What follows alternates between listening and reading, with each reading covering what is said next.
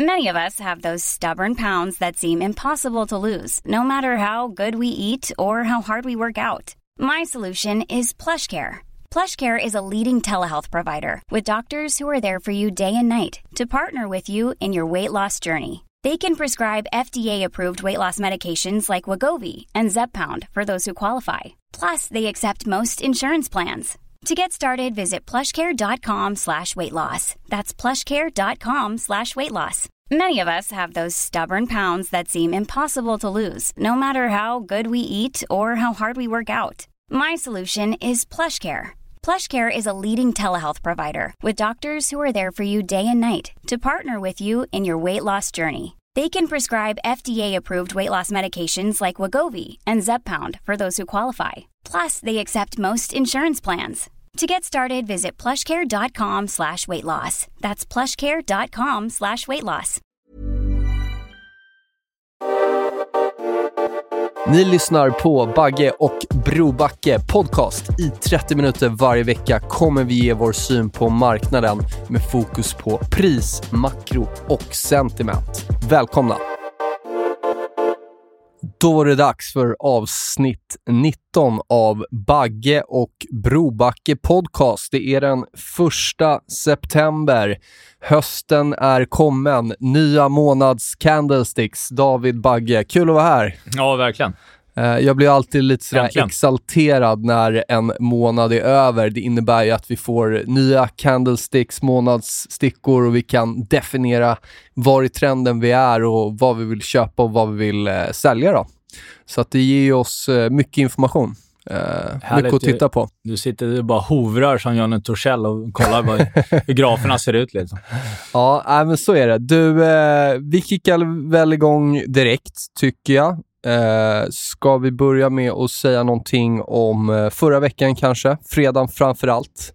Mm. Eh, när alla väntade, eller ja, som, som du var inne på där faktiskt, när folk har suttit och väntat på ett på en tidpunkt eller ett besked länge och så blir, kan det ofta bli lite av ett non-event. Eh, Och det kanske det blev eh, i vissa fall. Mm. Ja, vi kan gå igenom det. Jag trodde först du skulle säga att vi ska gå igenom hela kräftskivan vi hade på torsdag. men Nej, den, vi, eh, vi fokar på börsen, det är väl vettigare. det tycker jag låter eh, betydligt säkrare. Tittar vi då förra veckan, ehm, då laborerade vi ju indexmässigt, om man tittar svensk eh, börs och även europeisk, men framförallt svenskt, då, att vi borde stå inför en rekyl. Eh, och eh, det höll sig egentligen under hela veckan. Det hände inte så mycket i eh, svenska OMX eh, överhuvudtaget. Eh, vi ehm, vi handlar, och det har det egentligen inte gjort än så länge heller. Vi hade ett dropp igår på, på europeiska börser. Eh, ECB-ledamot som var ute och uttalade sig lite hawkish till att man kanske bör dra ner eh, pandemiprogrammen, eh, vilket inte låter helt orimligt när, när pandemin på sikt kommer att klinga av. Ehm, eh, På valutamarknaden då, sett en fortsatt dollarförsvagning, ganska ordentlig sådan, eh, senaste två veckorna. Sen vi prickade in toppen där den 20 eh, augusti, vilket vi även har pratat om i podden. Då. Eh, det som är nu är väl att ehm, jag kan tycka att dollarn borde stå inför en uppgång ja, runt härifrån då, in, i, in mot eh, mitten av, av september som en del av det här liksom, toppbygget. Då.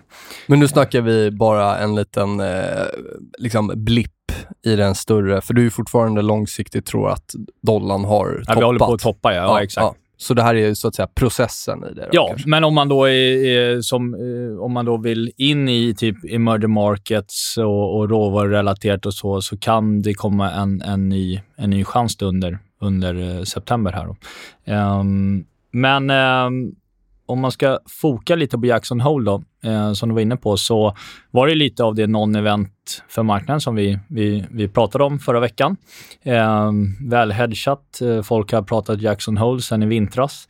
Eh, och vi såg ju också att det finns, om något fanns det en risk på uppsidan. Eh, och det blev det ju, framförallt eh, inom eh, amerikansk tech.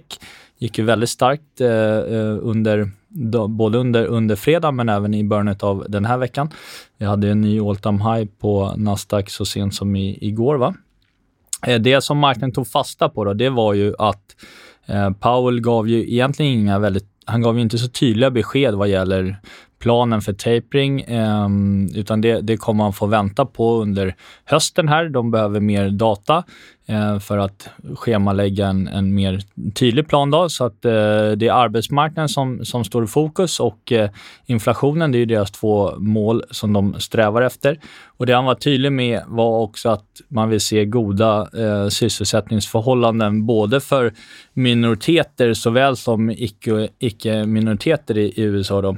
Och eh, sen, speciellt den senare där kommer ju ta ganska lång tid innan alla i eh, icke-minoritetsbefolkningen kommer få eh, ordentligt med jobb. Då. Så att det kan ju ta ända in i andra halvåret av 2022. Då. Det är först efter då som Fed kan börja fundera på att höja styrräntan. Så att man kommer inleda tapering långt innan. Det är fortfarande så att eh, tapering i år, eh, innan nyår, är ju fortfarande på, på, på bordet. Så att säga. Och Det är väl det högst troliga, att man inleder under, under senhösten här.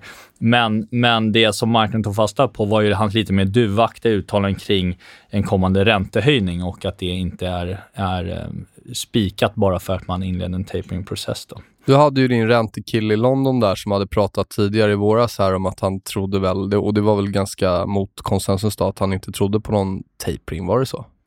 Ja, och jag pratade en del med honom nu i veckan också. Han är ju generellt väldigt påläst på, på det mesta. Eh, men han är ju helt klart inne på att han tycker att marknaden har fel i att, att prata om att Fed ska tejpa sin balansräkning. Eh, därför att eh, i hans värld kommer det liksom aldrig hända. Eh, han, han är exempelvis inne på att eh, Ja, det vet ni hur, hur det ligger till, men 20% av alla dollar i världen trycktes ju under, under förra året och att det därmed inte finns några, det finns inga liksom oberoende centralbanker längre som det fanns förr. Då.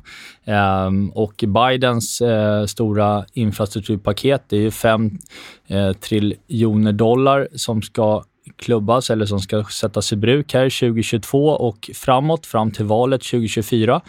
Och han är inne på då att eh, min kontakt i London alltså, eh, att eh, vem ska köpa den här typen av bondemissioner från amerikansk treasury om inte Kina och Japan helt plötsligt blir tokstora köpare av amerikanska statspapper. Och I hans värld kommer det mynna ut i att Fed köper de här och vi har en ren MMT-ekonomi eh, Då. Eh, vilket skulle innebära då att Feds balansräkning också då kommande två, tre år växer med eh, samma motsvarighet. Då. Så att fältbalansräkningen nu är väl på, på 9, eh, 8,5 triljoner dollar och eh, hans prognos är väl snarare att vi ska upp mot 14 då. Eh, och eh, att man aldrig kommer liksom börja hinna eh, eh, aldrig börja hinna tejpa i någon större utsträckning innan man måste öka den ordentligt. Då. Eh, så att, eh, och I en sån värld, korrelationen eh, balansräkningar på centralbanker mot börs är ju eh, typ mer eller mindre ett till ett.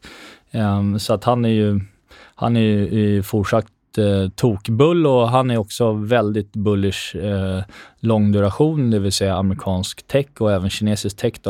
Medan eh, jag är med i kampet att det kommer en comeback för value, banker, råvaror och så vidare under hösten här. Då. Men han har lite längre, längre vi på det hela också. Då. men intressant och, ändå. Liksom. Ja, men verkligen. Och speciellt när, när eh, resonemanget har förts betydligt eh, tidigare så är det alltid kul att följa upp de där eh, tankarna när saker och ting spelar ut. Mm. Kan vi inte prata lite om räntor? Jag tycker att amerikanska tioåringen, eh, det berättade jag, där hade jag ju släppt hela den kortingen, jag är fortfarande kort tyska tioåringen då och vi ser faktiskt att eh, tyska räntor stiger och amerikanska tioåringen är mer av en sidledes trade just nu. Vi ser inte riktigt, eh, så att säga, riktningen där. Eh, har du några tankar eller har du några, är, det, är det någonting som, eh, som vi bör, bör nämna där? Jag tycker också att man, tittar man på amerikanska tioåringen så tycker jag man kan också faktiskt vända på resonemanget att givet den amerikanska datan som har kommit de senaste veckorna eh, som har varit väldigt svag, så kan jag ju tycka att den egentligen borde ha varit svagare. Vi var ju nere på 1,13 under sommaren. Nu är vi på 1,32 eller 1,31 och sånt va?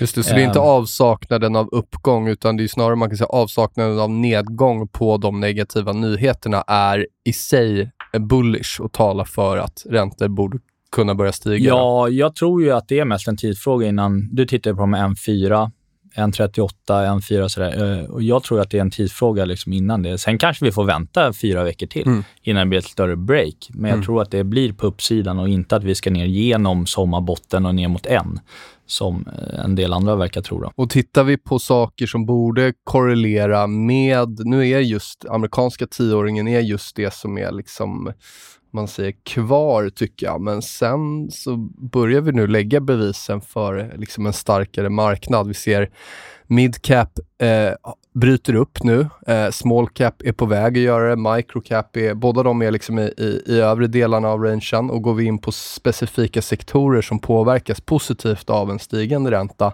till exempel bank, XLF, eh, ser ut att, att, ja, att eh, bryta upp mot nya högsta.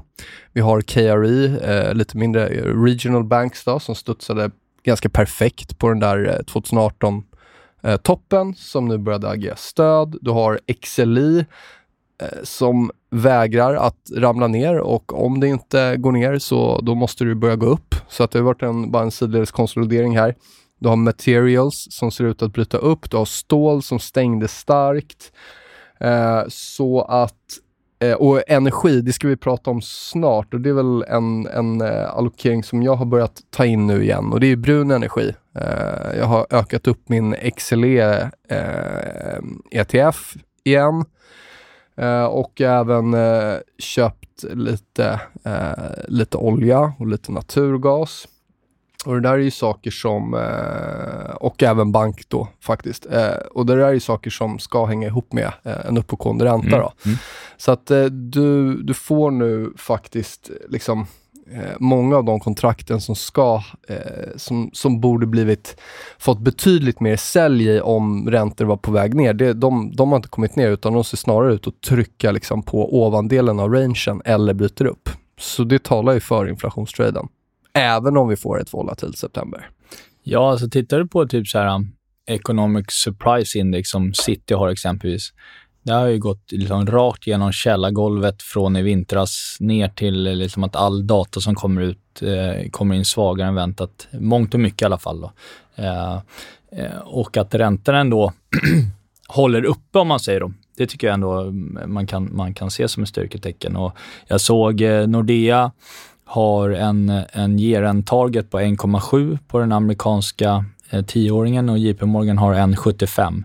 Så att det är väl där någonstans konsensus kanske bildas då och eh, jag tror vi ska över två sen, men det, det behöver ju annars inte ske det här året utan det kan vi ta i, i Q1 sen. Men Om vi kollar på lite relativa grafer som jag, som jag tycker är en bra temperaturmätare som, som har varit, som ändå blinkat lite lite rött här i, i, egentligen sen i juni och juli och, och där hade vi faktiskt ett, ett par nedgångar i index. Eh, de börjar se betydligt bättre ut och då är det high yield till exempel mot IEF, eh, alltså mot bonds. Eh, du kan titta på high yield mot amerikanska tioåringen. Du kan titta på eh, TLT, alltså 20-åriga bonds prissatt mot small cap. Den relationen ser också bättre ut. Och sen om vi tittar in på eh, Consumer Staples, alltså XLP, eh, mot Spiden, eh, S&P 500.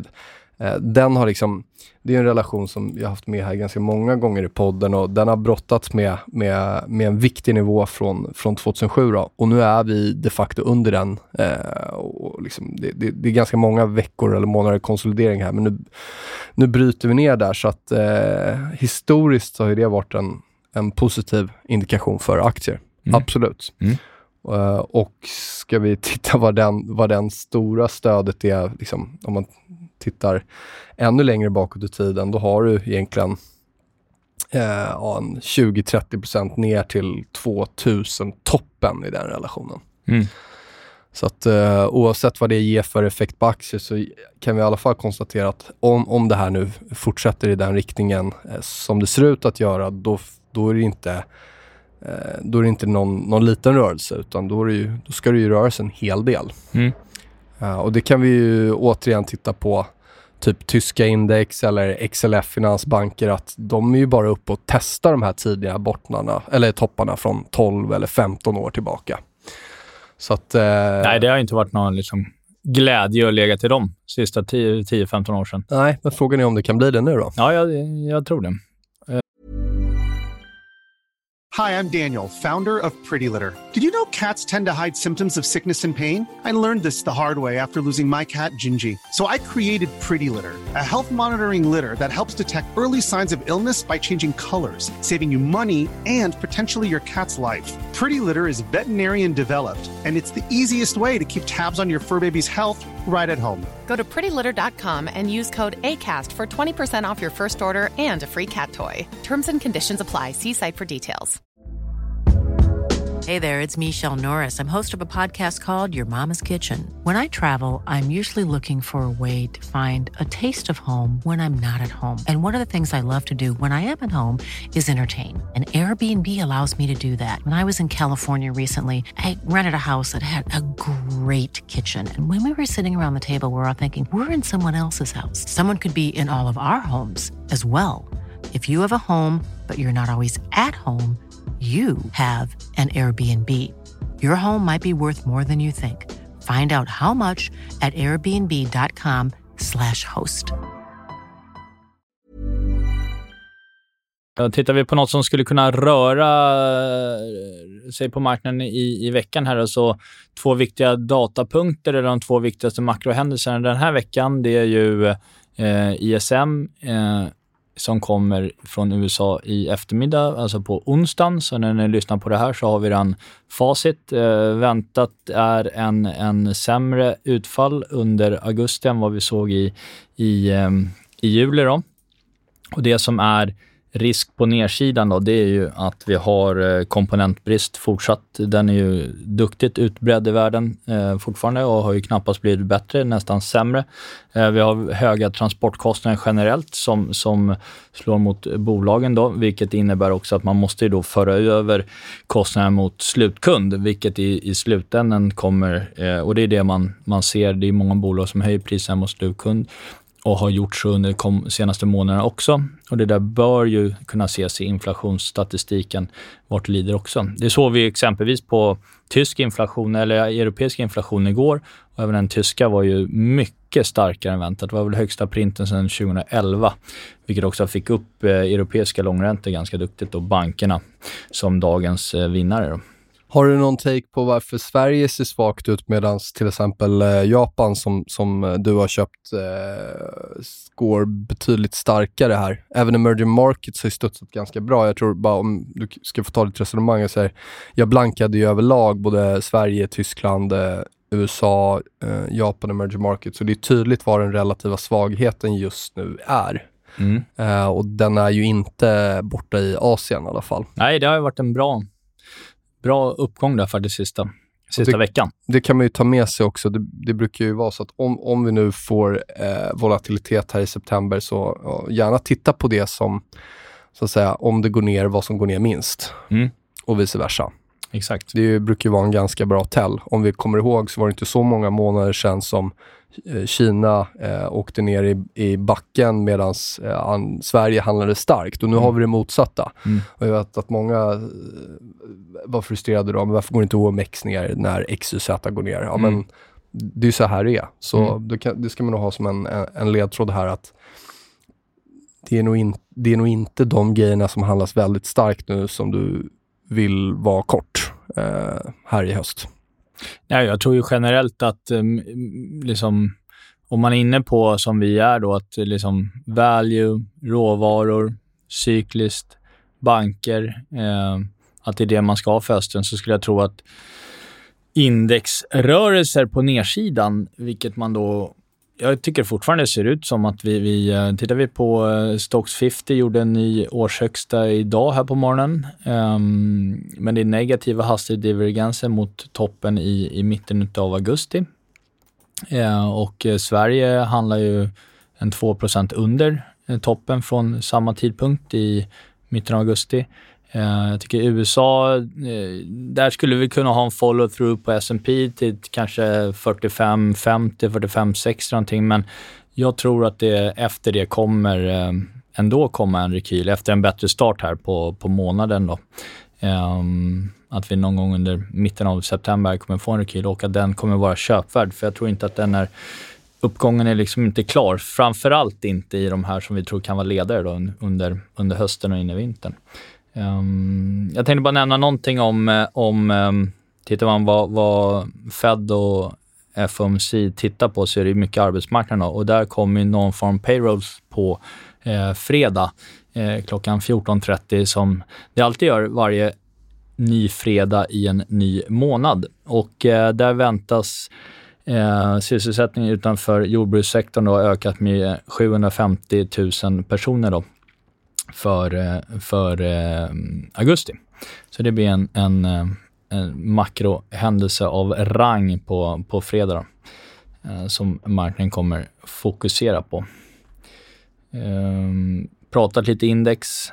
Um, det är lite intressanta med OMX, det är ju det att vi har ju en väldigt lång upptrend då, som i och för sig alla andra index mer eller mindre också, sen mars förra året. Men vi, vi börjar dansa väldigt nära den här äh, trendlinan i, i botten av den här kanalen och även igår eh, under tisdagen eh, så kom vi ner ganska duktigt på europeiska och även svenska börsen. Under, stängde väldigt svårt, var väl ner runt 1% på close. Hög omsättning, det var sista handelsdagen i månaden. Jag tror att det var en del positionering och så bland fonderna också. Såg ju mycket mycket medtech och så vidare som gick upp 5 till 10% igår och eh, en del sådana där kan väl vara lite att många fonder vill snygga till sina positioner med, med starka månadsstängningar. Eh, jag tycker att på, på nedsidan så möter ju det här 50 dagars glidande medelvärde, det är vid 23,45 på OMX. Eh, jag tror den är av vikt att hålla koll på.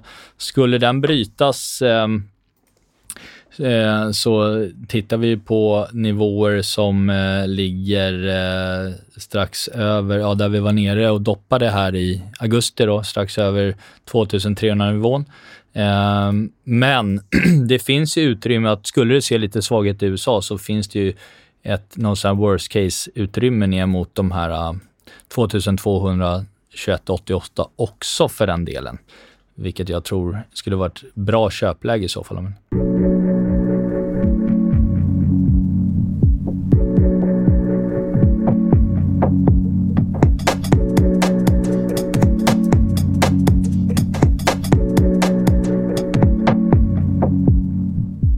Jag skulle tro att en, en fortsatt liksom, ganska väl avvägd sektorrotation både i USA och i Europa kommer hålla indexen återigen eh, hyfsat under vingarna och att det inte får några jättestora korrektioner.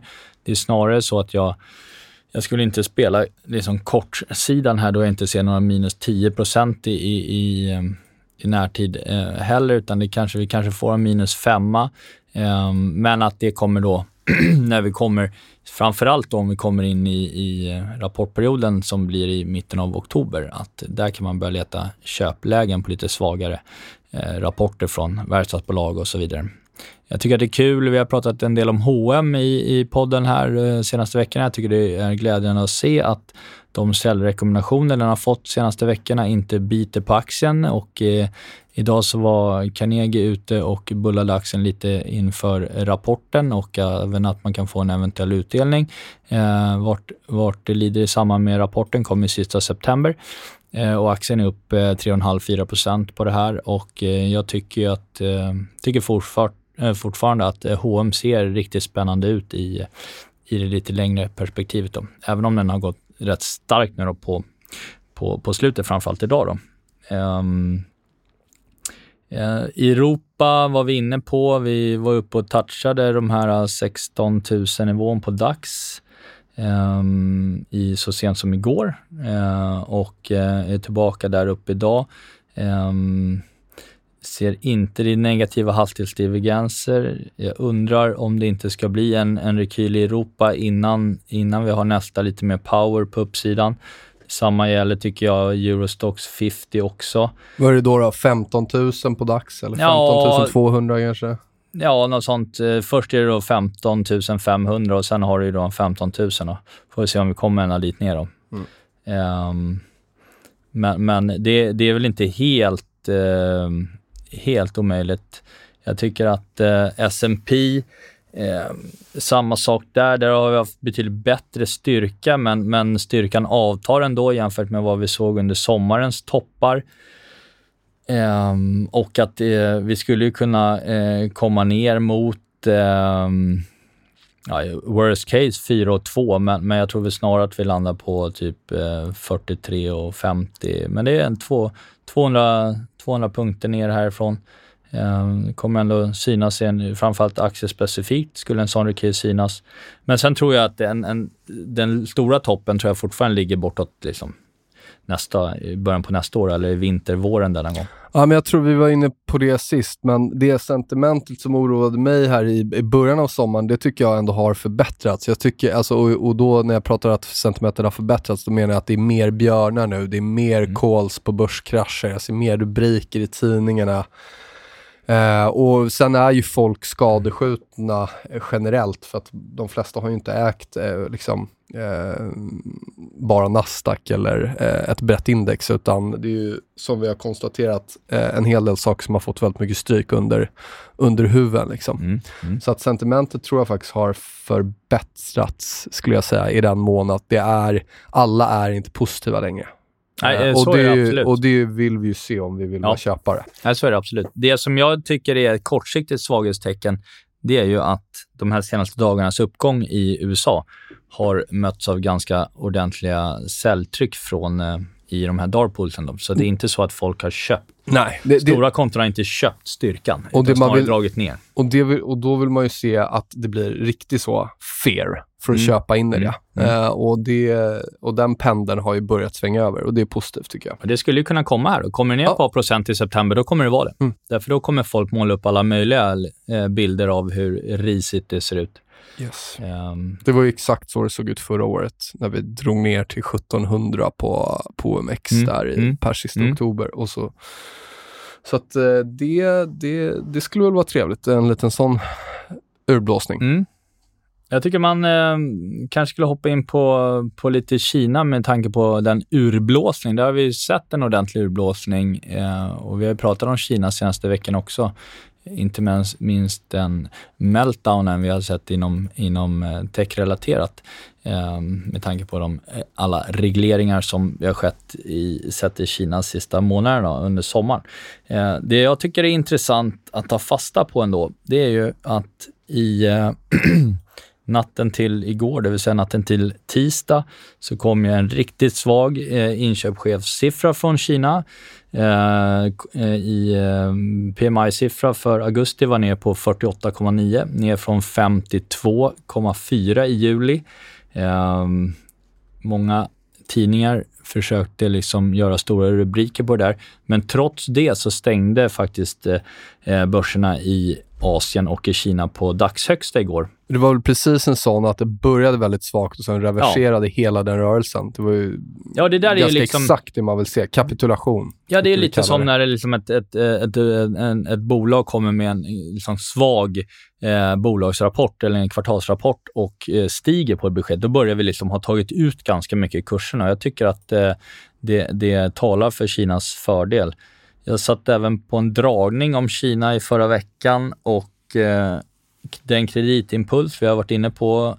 Eh, vi har haft en, en, en period med nio månader som ni vet med eh, minskade stimulanser i, i kinesiska eh, eh, i kinesiska banksystemet och eh, även generellt från regeringshåll. Eh, men den, tittar man på prognosen där så väntas den kreditimpulsen på nytt börja vända upp här från mitten av eh, hösten och in i nyåret då.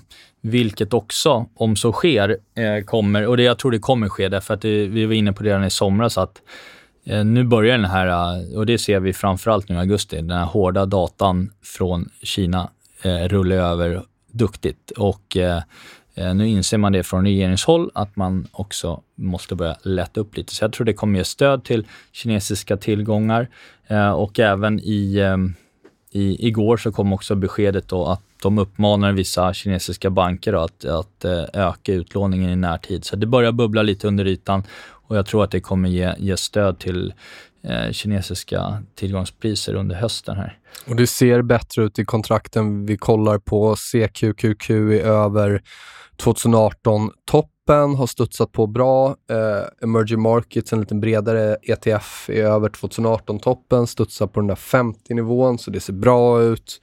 Eh, så att vi får ju eh, bevisen eh, vi vill just nu, mm. faktiskt. Om vi ändå är i den delen av världen så tycker jag vi måste lyfta fram Japan på nytt här.